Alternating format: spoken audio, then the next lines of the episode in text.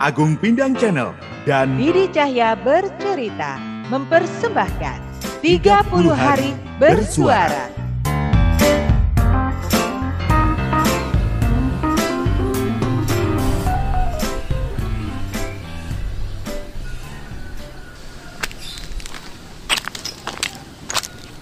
Gak pegel duduk terus ngelukis dari subuh tadi. Kamu gak tidur apa? ya tidurlah. Aku tuh tadi pas bangun, pas adzan subuh, terus aku Oh. dengar kamu bangun juga. Kamu sholat kan? Heeh. Tapi habis itu kok dekem lagi di kamar. Emang ngapain sih di situ? Habis subuhan aku ngapain? Ya drakor lah. eh, eh tapi serius. Dulu waktu kecil aku bercita-cita jadi pramugari biar bisa keliling dunia. Tapi gagal saudara-saudara. Tinggi saya kurang 4 cm. 4 cm. Aduh, pupus sudah cita-citaku berkeliling dunia. Ya mentok pas tiga tahun lalu ke Seoul untuk urusan kantor. Terus juga udah nabung mau umroh, eh pandemi. Padahal kan itu keluar kota juga ya. Ya sudah lah, kali. ya keluar negeri ya. ya mungkin rezekinya segitu dulu, ya sudahlah. Makanya sekarang kalau lagi kangen sama Korea, ya drakor aja, nostalgia. Hmm. Tapi kamu dulu kan pernah di Australia ya? Kamu kan udah Hmm. pernah ke mana aja sih? Terus paling suka ke negara mana? Eropa atau Amerika? Eh, Kamu itu loh kebiasaannya gitu. Hah? Kalau nanya kayak mercon renteng. Satu-satu dong nanyanya. Nah apa sih? Kebiasaan ente lebih parah. Mau jawab ngomel dulu. Ah, habis kamu ngeselin gitu sih. eh, aku tuh dulu di Australia itu cuma sebentar ya. Oh. Itu pun juga banyak mabuknya daripada sadarnya. Widih. Jadi ya gitu sih, nggak ada kesan apa-apa. Oh. Aku juga nggak pernah kok ke tanah kelahiran papa yang di Swedia. Kan mamaku itu istri kedua yang awalnya disembunyikan sama papa. Oh. Jadi jelas gak mungkin lah aku ke keluarga papa yang di sana. Tapi kalau cuman keliling Eropa pas masih kecil, ya sering. Itulah kenapa aku suka banget ke museum. Sampai akhirnya aku jatuh cinta sama yang namanya lukisan. Oh. Padahal Saat itu aku masih kecil banget loh. Oh, jadi itu kenapa kamu jadi suka ngelukis ya? Tapi masa dari kecil cita-citanya langsung jadi pelukis sih? Ya gimana sih? Aneh aja gitu kalau ada anak kecil langsung pengen jadi pelukis. Ya awalnya sih dulu cita-citaku apa ya? Oh iya, aku kayaknya pernah deh pengen jadi petani anggur. Oh, Waktu itu aku ceritanya dibawa ke kebun anggur yang ada di Perancis. Tempatnya ih luas banget. Aku sempat ngincipin anggur yang ada di sana dan rasanya itu enak. Terus kan jadi pengen nih jadi petani anggur biar bisa makan tiap hari. Tapi beneran kok. Beda banget rasa anggur yang ada di sana sama yang ada di sini.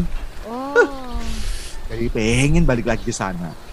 Kalau kamu emang dari dulu langsung pengen jadi pramugari? Ya enggak lah. Ya kayak anak kecil lainnya. Aku sempat pengen jadi dokter biar bisa ngobatin ibuku yang sakit-sakitan semenjak ditinggal papa pergi ke bini mudanya. Ya tapi tahu sendirilah, ternyata otakku nggak nyampe buat belajar biologi. Aduh, modal awal jadi dokter aja udah nggak ada. Ya akhirnya aku kuliah di D3 pariwisata biar bisa langsung kerja, biar bisa jalan-jalan juga. Eh, malah terjebak di industri kreatif ini. Tapi ya seneng juga sih. Kayaknya memang bener ya. Mhm. Seringkali mimpi kita itu harus dibelokin dulu dari cita-cita kita di masa kecil, Mm-mm. baru deh gedenya ketahuan kita cocoknya kerja di mana. Bener nggak? Ya bisa jadi sih. Eh tapi Gar, kamu Hmm. eh, gini, kamu kan sebenarnya anak orang kaya ya. Perusahaan perusahaannya tuh ada loh bertebaran di mana-mana. Pabriknya gedenya sekecamatan. Abang nggak pengen nerusin bisnis papamu? Ya gimana ya? Apa nggak sayang sama sekolah bisnismu yang biaya sekolahnya aja cukup buat beli rumah sekompleks saking mahalnya tahu? Itu dia. Aku itu kuliah juga karena terpaksa. Gak lucu juga kan kalau ternyata ijazahku terakhir cuma SMA. Jadi jangan Iya gitu. juga sih. Semabuk-mabuknya aku, ya paling nggak masih ada lah sisa-sisa warasnya. Kalau untuk perkara sekolah ya, Aha. lebih ke urusan gengsi sebenarnya. Aku tuh malah bercita-cita pengen menjadikan passionku ini sebagai bisnis. Wow. Jadi memulai bisnisku sendiri, nggak harus nungguin, nggak harus nunggu nerusin bisnisnya papa. Bikin galeri kafe kayaknya lucu ya, bener nggak sih? Iya sih, galeri cafe gitu ya. Eh keren loh. Eh tapi gini gini gini. Kamu tuh kan anak tunggal. Yakin cita-citamu itu akan didukung orang tuamu? Cita-citamu itu akan Ah. terwujud? Nah itu dia. Belakangan, mama nih mulai sering nelfon aku, nyuruh pulang. Tapi males ah, aku lagi fokus sama lukisan-lukisanku. Hmm, mumpung peluangnya kan lagi bagus.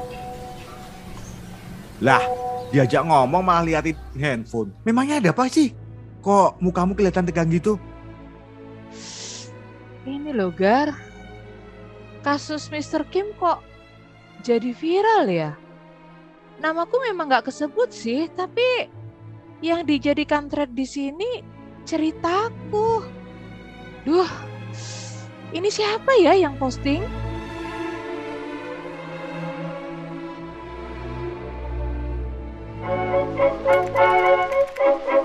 Gimana ayang-ayang Didi dan Pindangers? Penasaran besok Elgar dan Lasmi mau ngapain lagi? Makanya, ikuti Agung Bidang Channel dan Didi Cahya bercerita dalam tantangan 30 hari bersuara bersama The Podcaster Indonesia. See ya!